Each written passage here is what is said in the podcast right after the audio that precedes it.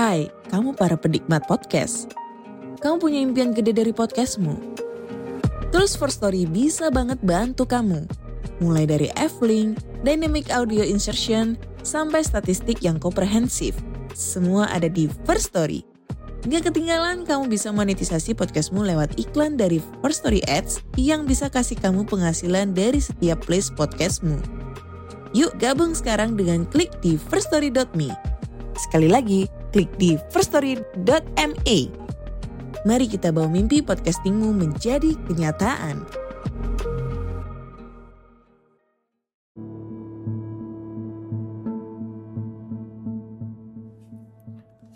Al-Qudus, sebuah novel kitab suci karya Asef Saiful Anwar. Bab 9, Samis. Penciptaan unsur-unsur semesta. Kami tiupkan udara pada hari pertama. Kami nyalakan api beserta cahaya di hari kedua. Kami alirkan air di hari ketiga. Kami susun awan di hari keempat. Dan tanah kami bulatkan di hari kelima Sebab pada hari keenam kami tumbuhkan pepohonan dan pada hari ketujuh telah kami padukan seluruhnya untuk kami ciptakan yang berkembang dan berbiak. Kami ciptakan seluruhnya dalam tujuh hari, seperti kami belah bumi dalam tujuh daratan yang besar-besar. Kami ciptakan seluruhnya demi manusia. Dan celakalah mereka yang menyekutukanku dengan ciptaan-ciptaan itu. Apakah mereka tiada berpikir bahwa apa yang mereka agung-agungkan itu hanyalah sesama ciptaan. Tuhan dipersekutukan dengan udara. Sesungguhnya Tuhanmu pertama kali dipersekutukan dengan udara. Diakini oleh mereka udara sebagai sumber yang mengalirkan kehidupan. Serukanlah kepada mereka, udara itu hanyalah setitik kasih sayang Tuhan. Dipeliharanya kehidupan dengan udara.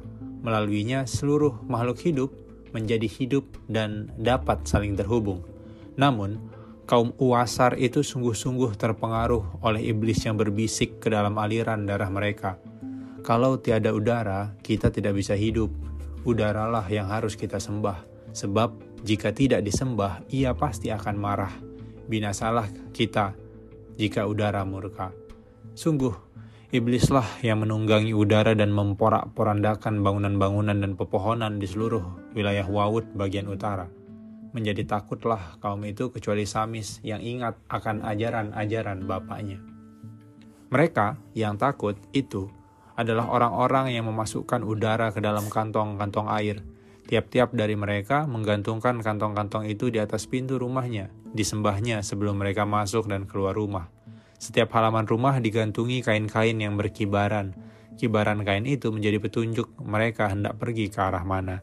Sesungguhnya perbuatan mereka yang demikian ini ialah perilaku yang merendahkan akal yang telah kami anugerahkan di setiap kepala manusia. Beramai-ramai mereka berkumpul di tengah pematang untuk menyembah dan memohon petunjuk. Setiap pekan di sore hari sampai matahari tenggelam. Di tengah pematang itu Dibangunlah kincir angin yang amat besar dari kayu menghadap arah barat. Itulah tempat mereka membaca petunjuk. Apabila kincir itu berputar lembut, diartikannya akan datang kebahagiaan bagi mereka. Sebaliknya, jika kincir itu berputar kencang, takutlah mereka akan terjadi celaka. Dan apabila kincir itu bergeming, tiada berputar, maka mereka akan tetap di rumah mereka masing-masing. Berkata-kata mereka, api itu dapat menyala ketika diizinkan udara, maka api itu bergerak dan berasap. Apakah kamu dapat menyalakan api di dalam mangkuk yang ditelungkupkan? Dan dengan udara pula api dapat dipadamkan bila engkau tahu bagaimana cara memohon untuk memadamkannya. Air laut itu tidak akan berombak jika tanpa udara yang menggerakkannya. Awan-awan di langit tiada mungkin berarak tanpa udara yang mendorongnya, dan suaraku mengalir sampai ke dalam telingamu pun melalui udara. Itulah sebagian alasan mengapa kami menyembahnya. Kami tidak ingin menjadi kaum yang binasa karena udara yang mengamuk dan menghancurkan segalanya. Bukankah kemarin lalu udara memarahi kita dengan memporak-porandakan segalanya dari rumah yang uh, rerak dan pohon-pohon yang bertumbangan hingga bagian uh, diri kita terluka dan terlunta. Berkatalah Samis, sesungguhnya kalian menyembahnya lebih karena takut. Ketakutan kalian hanyalah ciptaan iblis yang menunggangi udara. Tuhan yang sesungguhnya tidaklah semenakutkan yang kalian bayangkan. Tuhan yang sesungguhnya tidak perlu kantong air dan kincir angin untuk hadir. Tuhan yang sepatutnya kalian sembah adalah yang menciptakan udara itu. Dan Tuhan sesungguhnya itu maha kasih hingga tiada patut kalian sekutukan dengan apa pun, apalagi dengan ciptaannya. Berkata-kata lagi mereka, kami dengan jelas melihat dan merasakan kehadiran udara, juga akibat perbuatan kami padanya. Udara yang memberi rezeki dari segala arah ketika kami patuh dan memberi kami peringatan dari satu arah apabila kami melakukan kesalahan. Udara itulah Tuhan yang sebenarnya, dan barangkali Tuhan yang kau percayai itu diciptakan dari udara, atau jangan-jangan Tuhanmu itu hidup di dalam udara. Berkatalah Samis, kalau demikian hebat udara yang kalian sembah itu, mohonkan padanya untuk menghukumku yang tidak mempercayainya sebagai Tuhan. Mohonkan padanya agar tak lagi masuk ke dalam hidungku, agar tak lagi mengalir dalam tubuhku.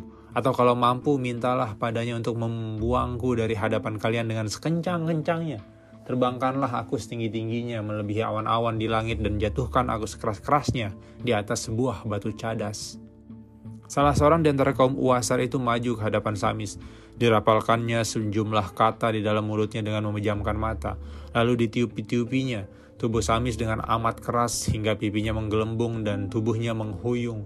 Tapi tubuh Samis tak bergeming Seseorang yang lain maju lagi ke hadapan Samis, merapalkan mantra dan mengimpas-ngimpas ujung kainnya yang panjang, tapi tubuh Samis tetap bergeming di tempat berdirinya. Mereka maju semuanya lalu bersama-sama meniup dan mengibas-kibaskan kainnya ke arah Samis. Tapi tubuh Samis tetap bergeming di tempat berdirinya dan hanya rambutnya yang tersibak.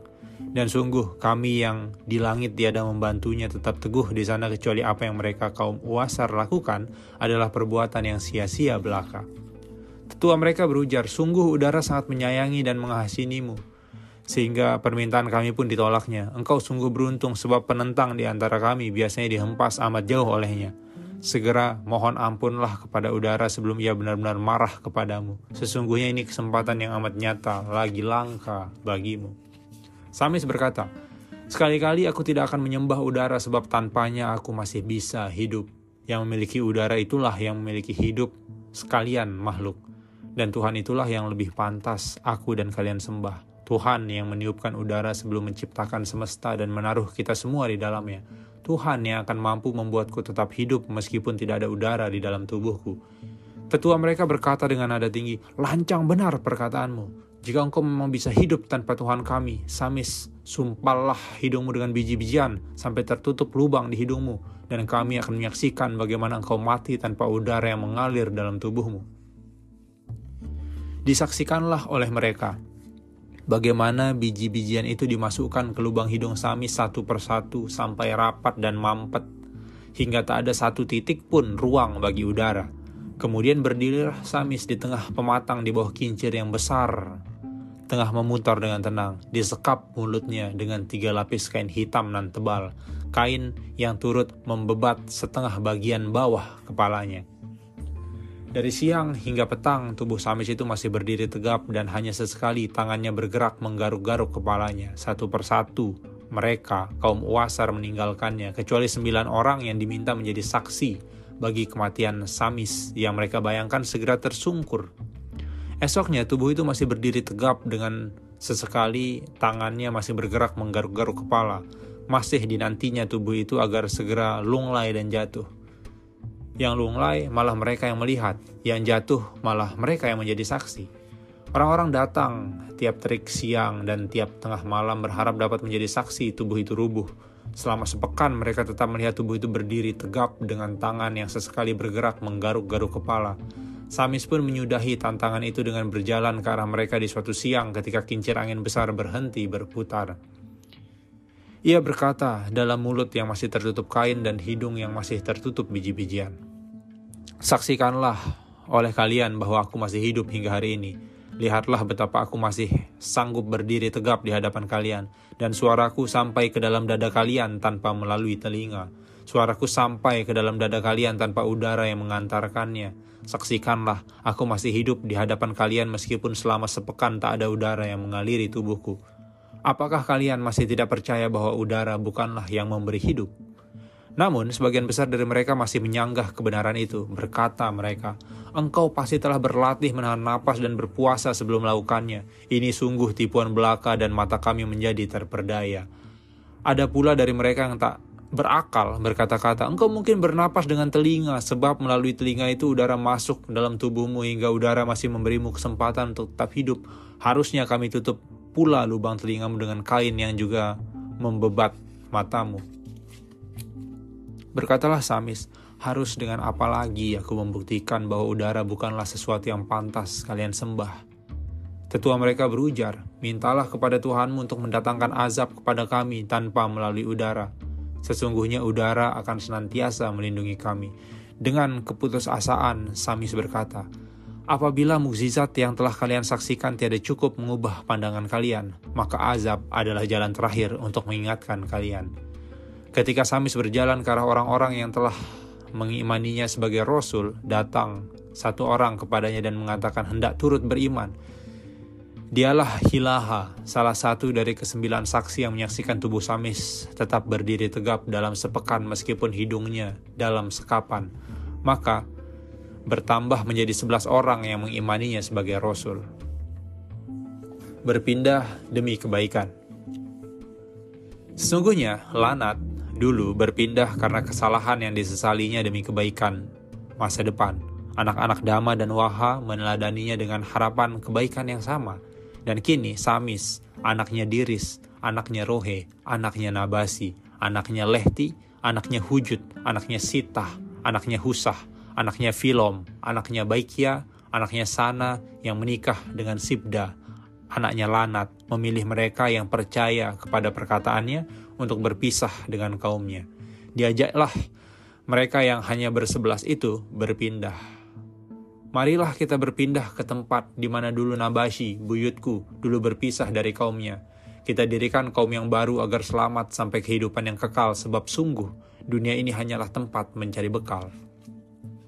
Ingatlah, apabila engkau tiada sanggup menghadapi halangan, berpindahlah dari tempatmu berjalan, Bila telah lapang jalan itu, kembalilah dan teruskan melangkah. Sebaik-baik kepindahan itu, sesudah berusaha menghilangkan halangan yang merintang. Dan yang paling baik adalah yang mampu mengubah halangan itu menjadi dukungan. Maka merugilah mereka yang berpindah sebelum berhadap-hadapan dengan halangan. Sungguh, mereka adalah selemah-lemah golongan. Apabila ada halangan di hadapanmu, memohonlah petunjuk pada kami.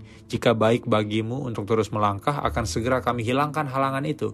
Jika kami nilai engkau belum siap menghadapi halangan itu, kami akan menuntunmu ke jalan yang lain, sebelum kami mengembalikanmu pada tujuan semula tanpa melalui jalan yang telah kamu tinggalkan. Maka bersabarlah ketika menghadapi halangan, dan berdoalah karena kami pasti akan menolongmu. Sebaik-baik penolong bagimu adalah doa, dan sebaik-baik doa adalah yang disertai kesabaran.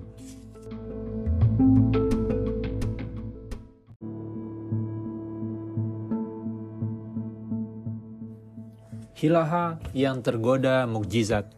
Dan di, di antara pengikut Samis, itu terlihatlah Hilaha ya sebagai yang paling taat dan setia. Ke mana pun Samis pergi, ia senantiasa mengikutinya. Segala kebutuhan Samis disediakannya, segala kegiatan Samis pun diteladaninya. Lafal-lafal doa yang menderas dari mulutnya sama persis. Jumlahnya dalam berdoa sebanyak yang dirapalkan Samis perharinya.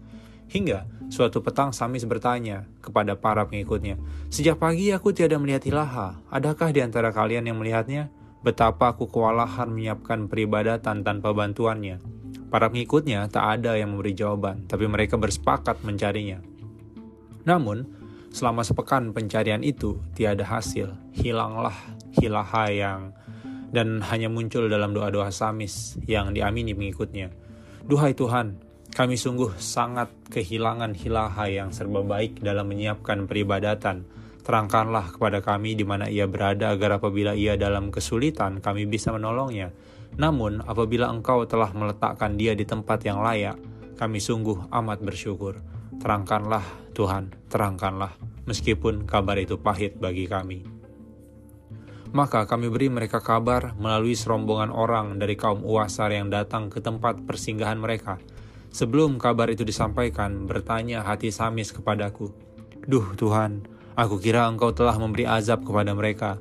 Di hadapanku kini, aku melihat mereka dalam keadaan sehat dan tiada kurang suatu apa. Mengapa engkau tidak memberi azab sebagaimana yang diminta mereka dan pernah kudoakan kepadamu? Aku menegurnya melalui sider. Sesungguhnya kami tiada pernah berjanji memberi azab kecuali mereka sendiri yang merancangnya, dan aku lebih tahu apa yang baik bagi setiap makhluk. Adapun kabar yang engkau dan pengikutmu mintakan, itu akan segera kamu dengarkan. Bersyukurlah atas itu dan teruslah bimbing mereka di jalan kebajikan. Kabar itu terdengar dari mulut ketua rombongan kaum Uasar yang berujar, Sesungguhnya Hilaha muridmu itu telah tewas di tengah pematang di bawah kincir angin yang besar. Ia mencoba melakukan apa yang telah engkau lakukan dahulu, namun ia hanya bertahan selama beberapa jenak lalu tersengal dan jatuh. Ketika kami hendak mengangkat tubuhnya, kincir angin itu jatuh dan menimpa tubuhnya. Dan peristiwa itu membuat kami yakin bahwa engkau adalah utusan Tuhan. Sesungguhnya kami kemari karena menginginkan iman yang sama denganmu. Aku perintahkan Sider untuk menerangkan mengenai kabar yang samar itu kepada Samis yang sedang tercekat. Sesungguhnya Hilahah adalah orang yang amat celaka. Ketahuilah olehmu bahwa semenjak menjadi saksi di tengah pematang, ia telah berketetapan hati mencari tahu bagaimana caranya engkau dapat bertahan hidup. Ia tak pernah berpikir bagaimana caranya bertuhan, tetapi berpikir bagaimana caranya bertahan. Dipikirnya engkau menggunakan sihir dan ia dapat mempelajarinya darimu. Sungguh mata dan telingamu telah terkelabui amalan dan doa-doa semuanya. Hanya kami yang paling tahu ketulusan seseorang dalam beramal. Dalam beramal. Lebih mulialah manusia yang sedikit berbuat baik tapi mampu menyembunyikannya daripada yang banyak berbuat baik dengan mengumbarnya. Dan sungguh, Tuhanmu paling membenci mereka yang berbuat kebaikan demi sebuah pujian. Berkatalah Samis penuh ketulusan ke arah kami di langit. Seberat apa pun dosanya, aku mohon ampun baginya, sebab kematiannya justru membuat lebih banyak orang yang kini datang beriman kepadamu. Dan semoga apa yang dialaminya menjadi sebuah pelajaran bagi umat di masa yang akan datang. Siksaan bagi kaum Uasar Tidaklah bencana itu kami yang mendatangkan, tetapi kaum Uasar itu sendiri yang merancangnya sebab terlalu berlebihan mempercayai udara. Dibangunnya kembali kincir angin yang lebih besar daripada yang telah roboh berdasarkan perintah para tetua.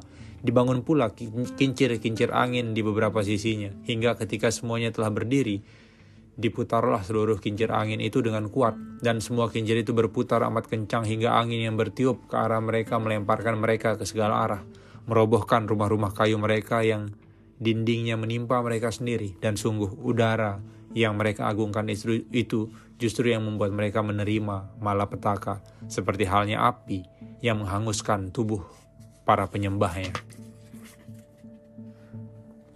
Sekian, see you on next episode. Bye.